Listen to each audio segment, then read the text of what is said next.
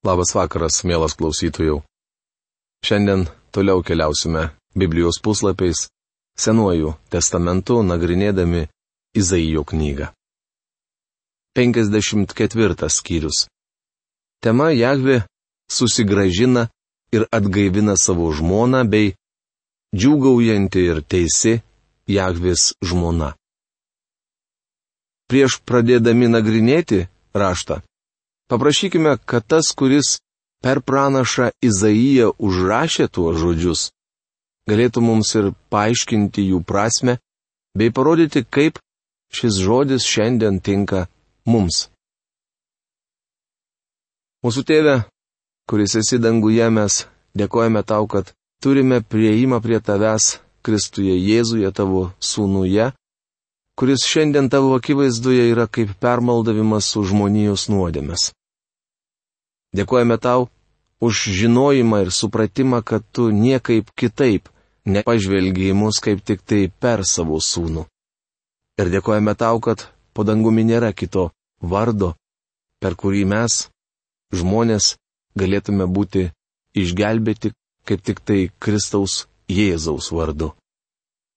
Dėkojame tau už brangę knygą, šventą įraštą, kurį išsaugojai ir kurio nuostabes pranašystės šiandieną galime studijuoti. Prašom, kad tu prabiltum į mūsų širdis ir padėtum suprasti tuo metu įvykius, pranašo Izaijo užrašytus žodžius, padėtum mums šiandien suprasti tų žodžių dvasinę prasme ir tinkamai pritaikyti juos šiandien savo gyvenime. To melžiame mūsų viešpatės ir gelbėtojo Jėzaus Kristaus vardu. Šiame skyriuje užrašyta giesmė lydėsianti Izraelitų išgelbėjimą ir būsimą jų palaiminimą. Ta diena, kai atpirkėjas ateis į Sioną, Izraelio tauta jį pamatys savo akimis. Jagvi susigražina ir atgaivina savo žmoną. Dievas sako Izraelio tautai, kad ji turėtų gėdoti. Džiaukis bevaikę, niekada negimdžiusi. Krikštauk ir ratuok gimdymo skausmuose negulėjusi. Juk pamestoji turi daugiau vaikų, negu turinti vyrą, sako viešpats.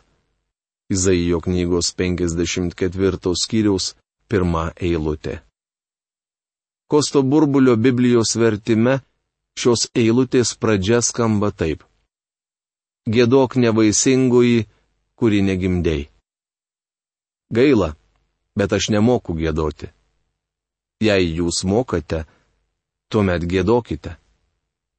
Vieną dieną gėdosiu ir aš, nes atpirkimas ateina su giesme. Pasaulis rauda raudas. Atpirktieji gėda apie palaiminimus. Pasaulyje skamba bliuzas, rokas ir džiazas, atpirktieji džiaugiasi atpirkimu ir gėda apie jį. Tik atpirktieji gali gėdoti iš tiesų džiaugsmingą giesmę. Jie trauks atpirkimo giesmę žemėje arba danguje. Apreiškimo knygos penktos kiriaus devintoje dešimtoje eilutėse apaštulas Jonas rašo. Jie gėdojo naują giesmę, skelbdami. Vertas esi paimti knygą ir atplėšti jos anspaudus, nes buvai nužudytas ir atpirkai Dievui savo kraujų žmonės iš visų genčių, kalbų, tautų ir giminių. Iš jų tu padarėjai mūsų Dievui karalystę bei kunigus, ir jie karaliaus žemėje. Tai pritrenkiantis reginys. Tačiau atkreipkite dėmesį, kad apreiškimo knygoje kalbama apie bažnyčią, o Izaijo knygos 54 skyriuje minima Izraelio tauta. Bažnyčia vadinama skaiščia mergele. Tuo tarpu Izraelis apibūdinamas kaip žmona, kurią Dievas susigražins. Žodžiai Gėdok nevaisingoji reiškia, kad praeitie Izraelio tauta buvo nevaisinga žmona. Šią situaciją iliustruoja Saros gyvenimas. Sulaukus 90 metų ji dar neturėjo vaikų. Dievas padarė stebuklą ir nevaisinga moteris pagimdė sūnų, iš kurio kilo milijonai pasaulio gyventojų. Kaip prisimenate, 53 skyriuje pranašas Izaijas kalba apie Kristaus nukryžiavimą. 54 šios knygos skyrius pradedamas raginimu gėdok. Šiandien izraelitai savo krašte negėda. Anksčiau Izraelio tauta buvo nevaisinga žmona, bet ateityje jos kančios baigsis. Kol kas ši tauta pagimdė tik vėją. Tačiau jos laukia šlovinga ateitis, nes ji sulauks daug vaikų. Paplatink savo palapinės aikštę, ištempk savo pastogės dangas nešikštėdama, pailgink palapinės virves ir tvirtai įkalk kuolus. Izaijo knygos 54 skyriaus antra eilutė. Izraelitai niekada nebuvo užėmę viso krašto, kurį jiems dovanojo viešpats. Jozuės knygos pirmos skyriaus ketvirtoje eilutėje aprašyta, kur prasidėjo ir kur baigėsi šiai tautai skirtos žemės ribos. Akivaizdu, kad tai didelė teritorija, užimanti beveik 500 tūkstančių kvadratinių kilometrų. Tačiau net Davido ir Saliamono dienomis, kai karalystė gyveno geriausius savo metus, jos valdos buvo nedidesnės kaip 50 tūkstančių kvadratinių kilometrų tai sudaro tik vieną dešimtadalį tikrosios jų nuosavybės. Dabar per pranašą Izaiją Dievas sako savo tautai pailginti virves ir įtvirtinti kuolus. Tai reiškia, kad savame krašte jie bus saugus. Ateis laikas, kai izraelitams nebereikės bijoti arabų. Tūkstantmetės karalystės metu Izraelis atgaus visą Dievo dovanotą teritoriją. Be to Jeruzalės miestas išsiplės ir ten nebebus transporto grūšių. Tu plėsiesi į dešinę ir į kairę, tavo palikonis užvaldys tautas ir įsikurs apleistuose miestuose. Izaijo knygos 54 skyriaus 3 eilutė. Šiandien pagonys yra užėmę didžiąją pažadėtojų krašto dalį. Tačiau jiems teks užleisti užgrobtas teritorijas ir grįžti į savo valdas. Svetima žemė pasiglemšti bando ne tik pavieniai žmonės, bet ir ištisos tautos. Tai sukelia rimtų problemų. Žmonės geidžia vis daugiau ir dėl to kyla karai. Nes tavo vyras, tavo kurėjas, galybių viešpats jo vardas. Tavo atpirkėjas, Izraelio šventasis, jis vardu visos žemės Dievas. Izaijo knygos 54 skyriaus 5 eilutė. Ta diena Dievas bus jų atpirkėjas ir Izraelis priklausys jam. Viešpat šaukia tave atgal kaip nelaimingą ir pamestą žmoną. Ar gali vyras atmesti jaunystėje pamiltą žmoną, sako tavo Dievas. Izaijo knygos 54 skyriaus 6 eilutė. Šiandien Izraelis panašus į vyro pamestą, neištikimą žmoną. Tai metafora, kurią Dievas vartoja kalbėdamas apie savo tautą trumpą valandėlę palikau tave, bet su didelė meilė vėl pasiimsiu. Izaijo knygos 54 skyriaus 7 eilutė. Ta diena ne tik izraelitai, bet ir mes visi prisiminsime tai, kas gyvenant žemėje atrodė siaubinga. Tuomet suprasime, jog tai apaštalo Pauliaus žodžiais tariant, tik lengvas dabartinis mūsų vargas ruošiantis mums neapsakomą, visą pranokstančią amžinąją garbę. Antro laiško korintiečiams ketvirtos skyriaus 17-18 eilutėse apaštalas Paulius mus ragina žiūrėti ne į tai, kas regima, bet kas neregima. Nors kalnai imtų kilnotis ir kalvos svirduliuoti, mano meilė niekada nuo tavęs nesitrauks, mano ramybės sandūra nesusviruos sako viešpats, kuris tavęs pagailėjo. Izaijo knygos 54 skyrius 10 eilutė. Jei manote, kad Dievas sulaužys savo sandūrą su Abraomu, Izaija sako jums, jog klystate. Dievas niekada neatšauks savo ramybės sandūros. Džiugaujanti ir teisi Jahvė žmona. Nelaimingoji, audros nukamuotoji, netekusioji paguodos. Štai sutvirtinsiu tavo akmenis geriausiamis kalkėmis ir tavo pamatus apdaikstysiu safyrais. Izaijo knygos 54 skyriaus 11 eilutė. Dievas įma guosti Izraelio tautą, kad ji galėtų džiūgauti.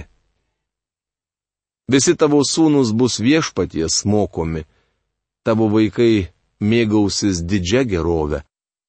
Izaijo knygos 54 skyriaus 13 eilutė.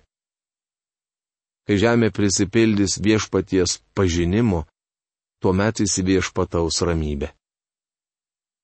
Tu būsi pagrįsta teisumu, toli nuo priespaudos, jos nebereikės bijoti, toli nuo pražūties, ji prie tavęs nesiartins. Izaijo knygos 54 skyriaus 14 eilutė. Teisumo paisimas išvaduoja nuo baimės.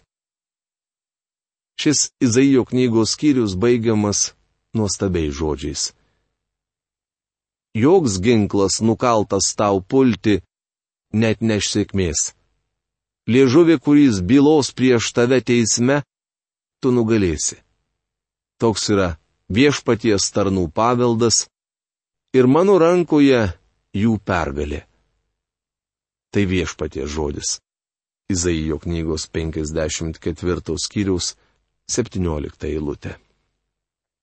Dievas visais laikais buvo antisemitizmo priešininkas. Jis niekada neleido klestėti savo tautos priešams. Tai galėtų patvirtinti Egipto faraonas, Hamanas, Erodas ir Hitleris.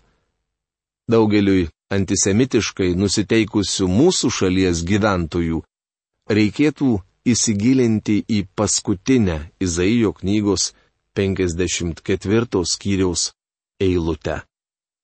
Tai Dievo pažadas. Paklausykite dar kartą. Joks ginklas, nukaltas tau pulti, net neš sėkmės. Liežuvi, kuris bylos prieš tave teisme, tu nugalėsi. Toks yra viešpaties tarnų paveldas ir mano rankoje jų pergalė. Tai viešpatie žodis. Izaijo knygos 55 skyrius. Tema - Kvietimas pasauliui, Dievo keliai ir Dievo žodžio paskirtis. Studijuodami 53 Izaijo knygos skyrių kalbėjome apie tai, kokias kančias turėjo iškesti Dievo tarnas. Skaitydami 55 šios knygos skyrių kalbėsime apie išgelbėjimą, kurį mums siūlo Dievas. Kaip prisimenate, apie išgelbėjimą skaitėme ir 54 šios knygos skyriuje. Tačiau tas kvietimas buvo skirtas tik Izraeliui. Studijuodami šį skyrių, skaitysime Dievo kvietimą skirtą visam pasauliui. Kaip žinote, pirmiausia Evangeliją išgirdo izraelitai, o vėliau ir pagonys. Manau, kad tai ir turėjo omenyje paštulas Paulius laiško romiečiams pirmos skyriaus 16 eilutėje rašydamas. Aš nesigėdiju Evangelijos. Jie juk yra Dievo galybė išgelbėti kiekvienam tikinčiajam. Pirma žydui, paskui graikui. Tai nereiškia, kad šiandien žydams teikiama pirmenybė, tačiau neturėtume jų nuvertinti. Jiems keliami tokie pat reikalavimai, kaip ir visiems kitiems. Kaip jau minėjau, pirmiausia, Evangeliją išgirdo žydai.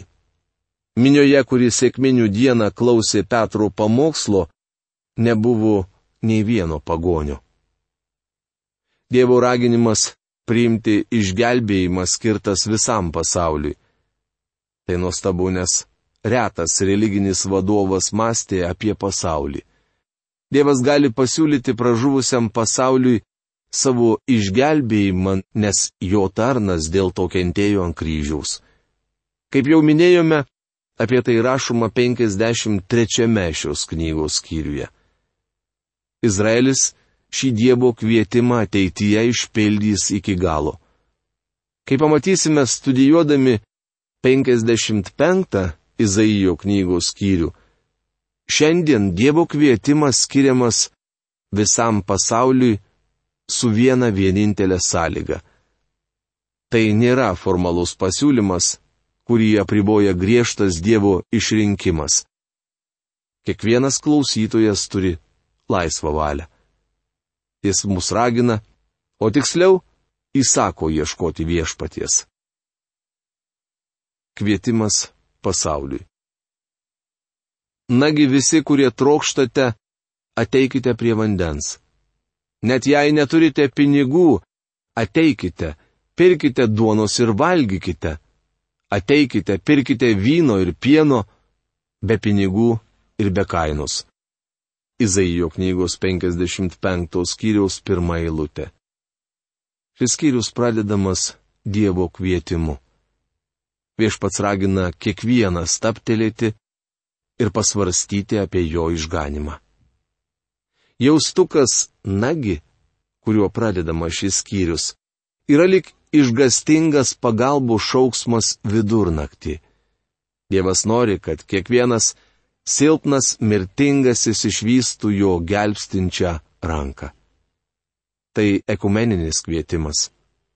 Aš nepalaikau ekumeninio judėjimo, apie kurį šiandien postringauja žmonės, tačiau esu dieviško ekumeninio judėjimo šalininkas. Dievas sako, kad Evangelijos žinia skirta viso pasaulio žmonėms. Skaitytoje eilutėje paminėtas tik vienas vienintelis apribojimas. Nagi visi, kurie trokštate.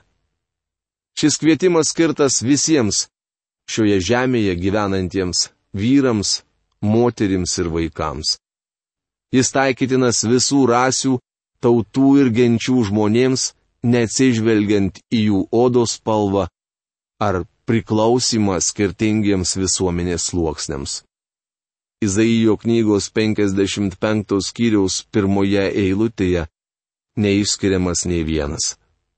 Dievo kvietimas prasideda žodžiais Nagi visi. Tačiau atkreipkite dėmesį į tam tikrą pribojimą. Nagi visi, kurie trokštate. Šis Dievo kvietimas skirtas tiems, kurių troškulio nenumalšina šio žemės barai. Dievas kviečia gerti iš amžinų versmių. Daktaras Jenningsas savo knygoje Studijuojame Izaiją rašo. Įsiklausykime, tarsi niekada anksčiau nebūtume girdėję šio malonaus ir maloningo kvietimo. Kas yra pakviestieji svečiai? Visi, kurie trokšta. Tad priimami ne tie, kuriems reikia, nes reikia visiems, bet norintys to, kas siūloma. Trokštų, jei nesu visiškai patenkintas savimi. Trokštų, jei manęs netenkina visa tai, ką gali pasiūlyti pasaulis. Trokštų, jei mano dvasia visiškai nusivylusi religijos formalizmu. Palaimintas troškulys. Tai vienintelė būtina sąlyga norint patirti džiaugsmą. Dievas kviečia visus, kurie trokšta. Jei sakote, manęs tai nedomina, aš netrokštų, nes mane visiškai tenkina tai, ką siūlo pasaulis, tuomet bičiulis šis pasiūlymas ne jums. Kalifornijos dikumoje stovi reklaminiai skydai, kuriuose pavaizduotas gaivaus gėrimo butelis kyšantis iš ledo gabalėlių pilno indo. Iš tiesų patrauklus vaizdas. Ant plakato užrašytas vienas vienintelis žodis. Ištroškai? Kompanija pastačiusi šios reklaminius skydus tiki, kad troškulį pajutę žmonės užsuks į artimiausią degalinę ir nusipirks Coca-Colos ar kitų gaiviųjų gėrimų, kuriuos jie reklamuoja. Žinoma, tie, kurie turi termosą pilną šaltos arbatos ar apelsinų sulčių, sakys, aš netrokštų ir važiuos toliau. Tačiau tie, kuriuos kamuoja troškulys, būtinai staptelės artimiausioje degalinėje ir nusipirks ko nors atsigerti. Gyvenimo kryškelėje Dievas pastatė ženklą, kuriame užrašytas klausimas - ištroškai? Norėčiau paklausti, ar jums neįgryso šis pasaulis? Ar jau supratote, kad jis negali jūsų patenkinti? Ar ilgitės ko nors geresnio? Jeigu taip, tuomet Dievas sako, turiu jums kai ką. Jis išvardyja keletą skirtingų dalykų ir sako, kad galite nusipirkti jų be pinigų. Vienoje parduotuvėje butelis gaivaus gėrimo pigesnis, kitoje brangesnis. Tačiau Dievas atgaivą siūlo nemokamai. Kodėl? Todėl, kad kaip skaitėme 53 šios knygos skyriuje, viešpats Jėzus ant kryžiaus užmokėjo kainą. Dievas kviečia jūs, ateikite, pirkite duonos ir valgykite. Jis siūlo ne vien gėrimo, bet ir gyvybės duonos. Mielas klausytojų, Mums labai svarbu suprasti, kad nieko blogo tame, jog mes galime staptelėti degalinėje, nusipirkti butelį šalto gėrimo, kad galėtume atgaivinti šitą kūną. Mes jo rūpinamės, mes jį mylime, puoselėjame. Bet kaip yra su mūsų dvasia? Juk nuodėmė atėjusi į šį pasaulį prasiskverbė visus žmonės Ir šventasis raštas rašo, kad visi nusidėjo. Mes tapome nenaudingi Dievo akise. Ir mes negalime šioje išdžiūvusioje, perdžiūvusioje žemėje auginti tinkamo vaisiaus, kuris patiktų mūsų kuriejui. Tam turime būti pagirdyti vandeniu. Gyvybės vandeniu ir tik tai jis gali numalšinti tikrai sielos troškulį. Šitas vanduo yra žodis, kurį kalbėjo viešpats. Jisai mums šiandien apreikštas ir nuo mūsų akių nuimtas šydas, dengiantis mums to žodžio supratimą.